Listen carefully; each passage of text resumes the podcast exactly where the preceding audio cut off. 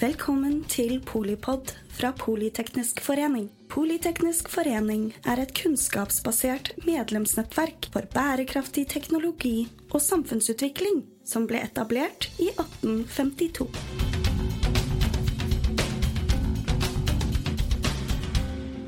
Velkommen til ny Polipod med Terje Strøm. Jeg har i dag med meg samfunnsøkonom Victoria Sparman i NHO. Velkommen. Takk for det. Du er også styremedlem i PF Samfunnsøkonomi, Ja. så det passer veldig godt å ha deg her eh, da dagen før statsbudsjettet skal legges fram. Eh, Jeg tenkte å spørre deg først, Dere har jo akkurat levert en rapport fra NHO sin side om eh, økonomien i Norge og, og ellers. Hva, hvordan går det egentlig med økonomien i Norge for tiden? Ja, jeg tror jo også at de fleste av oss har vel kanskje kjent på den situasjonen nå, med både høyere priser og høyere rente. Eh, og at vi ser at vi har litt mindre å, å rutte med enn det vi kanskje hadde for eh, et års eh, tid siden. Eh, og det er klart at det, dette er det jo ikke bare én husholdning som opplever, det er det jo mange eh, husholdninger som erfarer, og da betyr det jo også at bedriftene ser at etterspørselen etter det de leverer, blir mindre. Mm. Og da går arbeidsledigheten opp, da, eller? Ja, vi har vel egentlig i utgangspunktet sett på det sånn at eh, økonomien egentlig bremser mer. Eh, fordi det er jo ikke bare i Norge at det, det går litt trådere, det går jo også trådere i utlandet. Mm. Der har man akkurat de samme, den samme situasjonen blant husholdninger og også i industriproduksjon, og da blir etterspørselen etter norske varer litt eh, mindre. Eh, sånn at eh, det vi da tenker, det er at det går sagt, det går litt saktere, veksten bremser opp. Men det er jo sånn at de fleste av oss har jo en jobb eh, per nå. Det er bra. Eh, og så er det jo sånn at det, det er strømmer i arbeidsmarkedet, så det kommer jo hele tiden stadig vekk eh, nye personer ut. Så vi tenker jo ikke at det, det skal gå til noe Vi har jo ingen indikasjoner fra våre medlemsbedrifter om at eh, de skal eh, gå til veldig store oppsigelser. Men derimot så tenker vi vel det sånn at eh, bedriftene vil være mer forsiktige med å ansette nye personer. Så det er klart at de som kommer ut i arbeidsmarkedet, de kan ha det litt eh, trådere kanskje for å få seg en jobb. Sånn at arbeidsledigheten kommer noe opp. Mm. Det Men- så jeg SSB også spådde. Ja. Så, men, men hva liksom statsbudsjettet eh, Vi snakker jo hele tiden om de oljepengebruken, om det skal være et ekspansivt budsjett, og, og om finanspolitikken. Da, hvis renten på en måte nå har økt så vidt mye, så jo, det strammer jo det nettopp inn økonomien. Uh, selv om det er med tidsetterslep og alle disse usikre faktorene. Men så, hva, hva kan finanspolitikken på en måte gjøre da i den eh, settingen? Ja, nå er det jo sånn at normalt sett så ser jo vi på finanspolitikk, eller eh, alle vi samfunnsøkonomer ser jo på ekspansiv eh, finanspolitikk som noe som vil øke aktiviteten i økonomien. Eh, Det som har skjedd imidlertid den siste perioden, er jo det at vi kommer jo ut ifra en pandemi og en gjeninnhenting etter den, og da var aktiviteten i privat næringsliv veldig høy. Eh, Og så fikk vi da en kostnadsvekst på toppen som følge av krigen i Ukraina. Og da har jo kostnadene til bedriftene også økt. Ja. Sånn at eh, lønnsomheten av det å drive private virksomheter per i dag har jo gått ned. Eh, og hvis det offentlige da Samtidig så har vi liksom hatt en veldig høy etterspørsel etter arbeidskraft, fordi vi kom ut av pandemien hvor husholdningene hadde blitt Altså fått ganske store stimulanser under pandemien, så mange husholdninger hadde spart. Selvfølgelig ikke alle, og det er store Nei, variasjoner mellom husholdninger. Mm. Var en Men- jo optimisme, tenker jeg, også når du er ferdig med den eh, triste tiden. Ja, Og at eh, man hadde penger å bruke, iallfall en stund, og hadde lyst til å oppleve ting og lyst til å kjøpe seg nye ting fordi man er ute av den pandemien. Da. Ikke sant? Og det man da trenger, det er jo at man trenger folk til å produsere ikke bare alle de varene som vi etterspurte under pandemien, som vi skulle drive på med mer friluftsaktiviteter og andre typer ting, så vi kjøpte mer til både bolig og til fritidsaktiviteter. Ja. Og så skal man da i tillegg produsere alle de tjenestene som folk hadde lyst til å konsumere i etterkant av pandemien. Og da har vi sittet i en situasjon nå det siste året hvor det egentlig har vært veldig høy etterspørsel etter arbeidskraft. Eh, og da hvis Og mindre arbeidsinnvandring vel også, for det var ikke noe med det at det, det, Vi hadde så utrolig stor tilgang på arbeidsinnvandring fra Øst-Europa særlig i de årene før pandemien. Og så eh, tror jeg det er en kombinasjon av at det går bedre i de landene også der de trenger arbeidskraften selv, og kanskje at det å flytte rundt mellom land er litt mer risikofullt enn eh, det typisk kanskje var før, da. Ja, så tilgangen på arbeidskraft har jo vært litt mer begrensa i etterkant av pandemien, og selv om vi nå ser tendenser til at eh, arbeidsinnvandringen igjen tar seg opp, mm. så er det likevel sånn at eh, det er veldig mange ledige stillinger uti der. Mm. Eh, og hvis det offentlige da skal, for å bare liksom komme tilbake til spørsmålet ja, ja, ja. ditt eh, Hvis det offentlige da skal bruke mer penger i denne situasjonen, så betyr det jo at de sysselsetter også mye En del av de samme? En del av de samme folkene. Og da mm. blir det liksom en kamp om den arbeidskraften.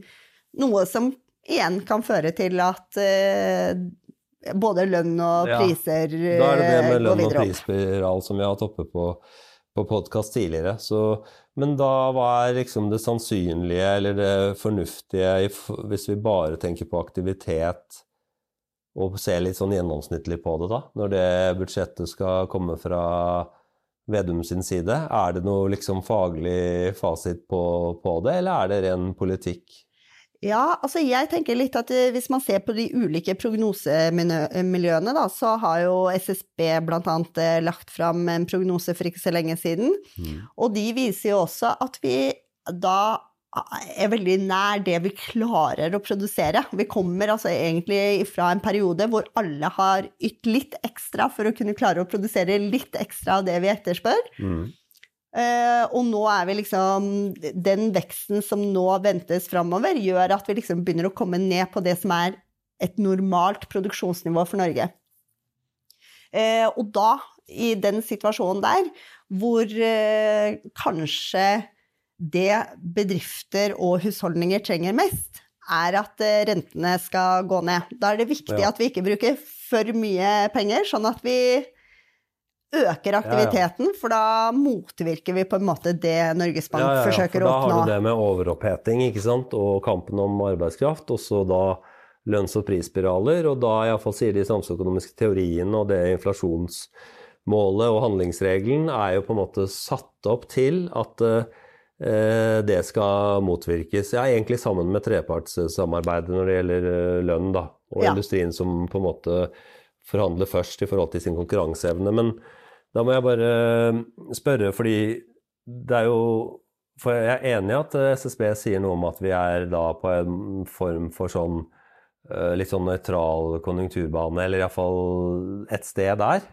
Men så er det jo Vil jeg jo bare tenke at er det én ting som ikke føles normalt nå, så er det jo økonomien, fordi det er dyrtid med matvarepriser, eh, bensinpriser, andre tjenester økende, og ikke minst da renteøkninger og for første gang på svært lenge en usikkerhet i boligmarkedet, som er der nordmenn sparer kanskje mest. Og så har du krigen som skjer i nabolandet Russland med Europa, og de flyktningene som har kommet, og uh, usikre tider om hvor mange som kommer neste år. da. Mm. Og da forsvarsbudsjettene som må liksom økes enormt i forhold til hva det var for bare noen få år tilbake. Ja. Så derfor så tenker jeg jo litt også at de Det er jo litt av en jobb de har i Finansdepartementet og politisk ledelse å få til noe som treffer den situasjonen her. Absolutt, og det tror jeg jo det er mange som ser på det som, eh, som krevende. Og hvis vi bare tenker på hvor ja, hvor mange eh, ulike velferdsgoder vi har på en måte kunnet klart å, å skaffe oss da, med at vi har hatt en veldig fredelig tid i Europa.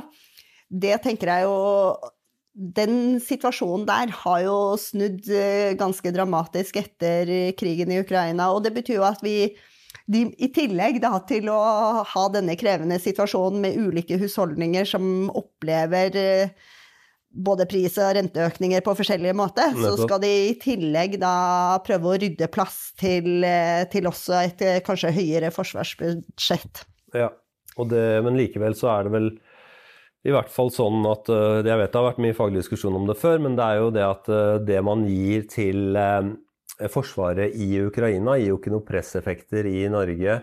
U-hjelp for det meste, i utlandet i hvert fall, gir ikke så mye aktivitetseffekter.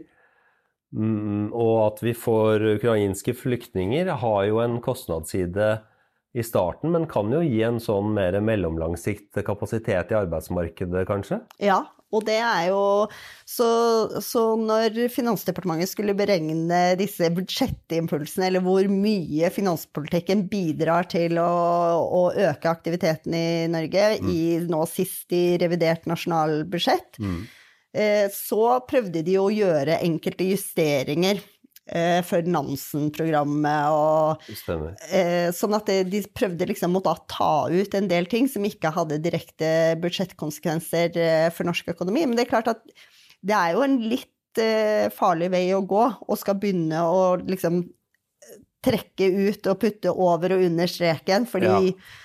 Det er jo noen som skal produsere en del av disse tingene som går inn i Forsvaret. Altså noe kan vi kjøpe utenifra, men noe produserer vi sjøl. Mm. Vi trenger også folk til å lære seg å bruke eh, nytt utstyr som vi kjøper utenifra, etc. Ja. Sånn at det genererer normalt sett noe økt aktivitet uansett. Ja, og jeg husker jo det rundt innkjøp av jagerfly f.eks. Så var det snakk om det. Så Ja, var det en enormt svær post, og så at, men så glemmer man jo da kanskje. Men nå, jeg, for meg er det sånn, jeg er ikke helt bestemt meg for at jeg syns at det er en veldig nerdete samfunnsøkonomisk debatt. Fordi da er liksom, for de flyene, de trenger jo vedlikehold. Og, Ja. ikke sant? Sånn, og de går i stykker, og den reparasjonen skjer kanskje på norsk jord. Ikke så da er det plutselig Og de skal hentes og fraktes frem og tilbake, holdt jeg på å si. Eller de, de skal flys hjem, og som det er aktivitetseffekt i Norge. Men spøk til side, i hvert fall, så er det litt sånn at det, det er kanskje enda viktigere med det at eh, arbeidsinnvandrerpotensialet kan øke for norsk økonomi hvis mange fra Ukraina eh, Nå har jeg hørt at det selvfølgelig er mer kvinner og barn enn menn, da, Mm. naturlig nok. Men likevel i forhold til ja, f.eks. helsesektoren og med språkkurs og integrering, og hvis de ikke vil hjem, selvfølgelig, eh, Mm. om ett-to år, hvis krigen faktisk tar slutt, da. Ja. At det ligger et potensial der. Men det kan man sikkert ikke regne med når man legger fram et budsjett sånn som Finansdepartementet gjør. Nei, altså Det, det er klart det at eh, jo mer vi klarer å utvide arbeidsstyrken, når vi har knapphet på arbeidskraft, når vi Mm. sier at okay, vi har for lite folk til å produsere det vi har lyst til å, å forbruke, ja, i offentlig og privat sektor. ja, Ja. så er det klart at i det eh, at arbeidsstyrken blir større, at flere tilbyr flere timer, at vi at flere kommer inn i arbeidsstyrken, det vil jo være sånne ting som bidrar til å dempe prisveksten, og som gjør at vi kan ha et høyere aktivitetsnivå enn ellers. Ja. Nei, men øh, vi må komme inn på det som er i forhold til øh, prisanslagene. For det var jo en veldig spesiell bit i fjor.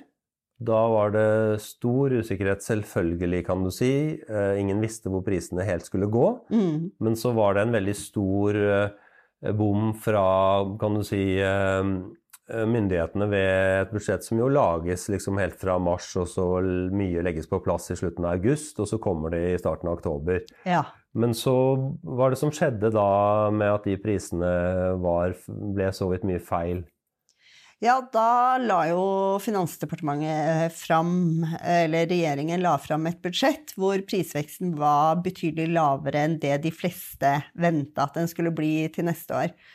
Og en av utfordringene med det var jo at eh, regjeringen da ganske kort tid etterpå måtte komme ut og korrigere og si at eh, jo, her skulle man legge til grunn et høyere prisanslag, og at eh, man ville da bli kompensert for at prisveksten faktisk ble Altså at kostnaden egentlig rett og slett ble dyrere enn det man egentlig hadde tenkt. Ja. Eh, og skulle da få en tilleggsbevilgning. Men så tok det jo litt tid før at eh, ja, både kommuner og andre etater fikk vite hvor mye mer de egentlig skulle få å rutte med. Og i tillegg så er det jo sånn at det er jo ikke alle kostnader som uh, har utvikla seg helt likt. Nei, sånn at eh, også muligheten for politikere å faktisk kunne vurdere eh, hvilke poster som skulle justeres opp, Ja. fordi at de reelt sett hadde hatt den, den kostnadsutviklingen, Ja. ble jo også vanskeligere. Så det, det skaper liksom to utfordringer. Det ene er jo at det er en usikkerhet i forhold til de som skal planlegge sitt budsjett. Mm. Men i tillegg så er det jo sånn at eh, man ved ethvert eh, budsjett ønsker å prioritere og, og, og liksom se Ja, på at du får noen effektivitetsgevinster i økonomien, eller iallfall så var det veldig rart, for det kom i, i januar, at det skulle kompenseres for liksom forskjellen. Og der tror jeg kanskje at ikke eh, finansministeren hadde noe annet valg, fordi du så liksom for deg, og det snakket han jo også mye om, at da måtte det eh, kuttes i sykepleiere på sykehusene osv. osv. Ja. Men så ble det på en måte Så var det en periode der hvor det var planlagt en god del eh, eh, kostnadskutt, effektivisering, det kalles jo mye forskjellig, men likevel rund baut. Og så fikk man vite først i revidert i mai at eh, hvilke penger som kom, og så var det på en måte kanskje eh, frislepp på områder som ikke hadde trengt på en måte frislepp.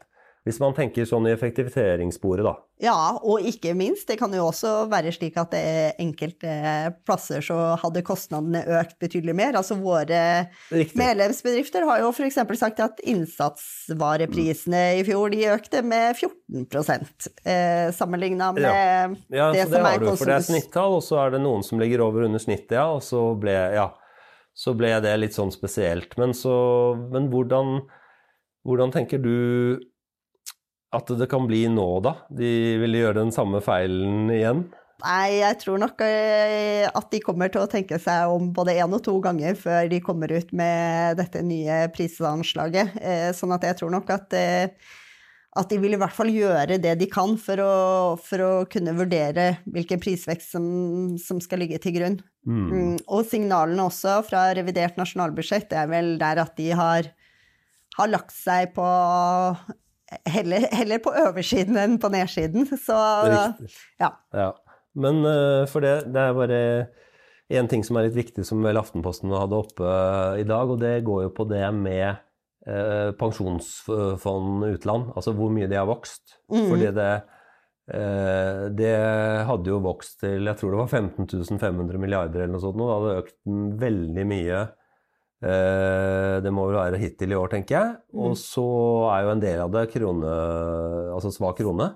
ja. Men, men liksom Det som var litt av poenget i den uh, artikkelen, husker jeg, er jo at da eh, blir det jo litt rart å bare tenke at man skal klare handlingsregelen med 3% av et galopperende høyt fond. ja. For det alene er jo ikke riktig finanspolitikk. Nei, så det gjorde jo Finansdepartementet også til både statsbudsjettet og også revidert eh, nasjonalbudsjett, at de beregna budsjettimpulsen sånn at man ikke bare tok den prosentsatsen nettopp fordi at eh, i fjor hadde man også ekstraordinært høye inn, altså skatteinntekter som følge av at mange råvarepriser hadde økt mye. Ja. Eh, Sånn at dermed så kan du ikke bare direkte se på den 3 %-regelen, men du må også, dermed så gjør også Finansdepartementet egne beregninger på hvor ekspansivt eh, budsjettet er, og da bruker de sine modeller Ja. og sitt modellverktøy til det. Ja, Nei, det husker jeg. Så da, men da bare tenker jeg at for det som var litt av da Du får veldig mye Du kan gå ned. altså Jeg bare lurer på nå eh, Det er jo alltid like eh, spennende når det skal skje, at du liksom skal se For det jeg kom på at eh, sånn som den strømstøtten til husholdningene Ja. var jo veldig stor eh, i eh, fjor, og kanskje en god del også i år, sist vinter. Mm. Og så er det regnet noe fryktelig mye nå i juli og august. ja. Og kanskje så blir det en vinter som ikke får de strømprisene, hvor de eller kan, var, Stemmer det ikke at det var 30-40 milliarder til husholdningene det ene året i strømstøtte? Er mulig jeg husker feil, altså, men det var iallfall veldig lite til næringslivet. men det var veldig mye. Så da bare tenker jeg at det, i hvert fall så er det det at det er, kan dukke opp noen ting Ja. som på en måte kan være med å finansiere enten øh, skattelette for de med laveste inntekter, eller økt på trygder, eller nettopp flere ukrainske flyktninger. Fordi eh, altså, hvis jeg husker riktig med at det er noe 30 milliarder pluss eller noe, så er jo det fortsatt ganske mye penger. Ja. Så, så liksom Er det noe som på en måte dere i NHO Altså når dere har innspill til budsjettarbeidet, Mm. da har, Hva er det dere liksom legger mye vekt på da? Eh, altså, vi legger vekt på Ja, vi legger vekt på flere forskjellige ting. Vi legger jo eh, først og fremst eh, vekt på at eh, næringslivet skal ha eh, gode rammevilkår, fordi vi tenker jo at eh, noe av det absolutt viktigste er jo at folk har en jobb å gå til. Og dermed så er det jo viktig at man ikke struper all aktivitet i privat næringsliv. Eh, når det er sagt, så er det klart at det er jo en veldig krevende situasjon for mange eh, der ute. Og, og, dermed så er det vel kanskje viktig å finne fram til helt sånn treff, litt mer treffsikre tiltak, og ikke utvide eh, generelle ordninger, fordi det kan være mye mer krevende på sikt, og også skulle reversere hvis det skulle være tilpassa akkurat akkurat liksom, dagens situasjon. Så det er jo noe med å vurdere hvilke eh, hvordan utgiftene skal endres. Er, det noe, er, dette et midlertidig tiltak, eller er dette noe som skal vare over eh, flere år? Mm. Eh, og det er vel klart at det, det, er vel vurderinger som regjeringen sitter og vurderer fortløpende, tenker jeg. Ja. Nei, det er det ingen tvil om, og det med jobbskapingen er jo ekstremt viktig. Og det har vi jo tatt opp flere ganger. og det det tenker jeg at uh, denne regjeringen her også ønsker seg. Og når det statsbudsjettet nå er rett rundt hjørnet, så, så blir det jo veldig spennende å se hvordan den uh, helheten uh, er ivaretatt. da. Ja. og hvor det er mye samfunnsøkonomi, og også en god del politikk, naturlig nok. Absolutt. Så, så da tenker jeg at det viktigste nå er vel egentlig at bare vi får tak i de budsjettdokumentene, så vi kan begynne å lese. Ikke sant? Det er det. og finne ut eh, Det er jo alltid lettere å lete etter eller å finne feil eh, enn å, å, sette det opp på egen hånd. Så, sånn sett så er jeg litt fornøyd med at eh, jeg bare skal være litt vaktbikkje og prøve å finne ut hva som på en måte er litt overdrevne forutsetninger eller noe som er i budsjettet, for det er jo et ekstremt detaljert og viktig arbeid som gjøres eh, i departementet. Absolutt. Absolutt. Tusen takk for at du var med meg i dag, Victoria Sparman. Takk for at jeg fikk komme. Takk for at du lyttet til Polipod fra Politeknisk forening. Få med deg flere episoder, eller bli med på nettverksmøtene, som du finner ved å søke at polyteknisk, eller gå på vår hjemmeside polyteknisk.no.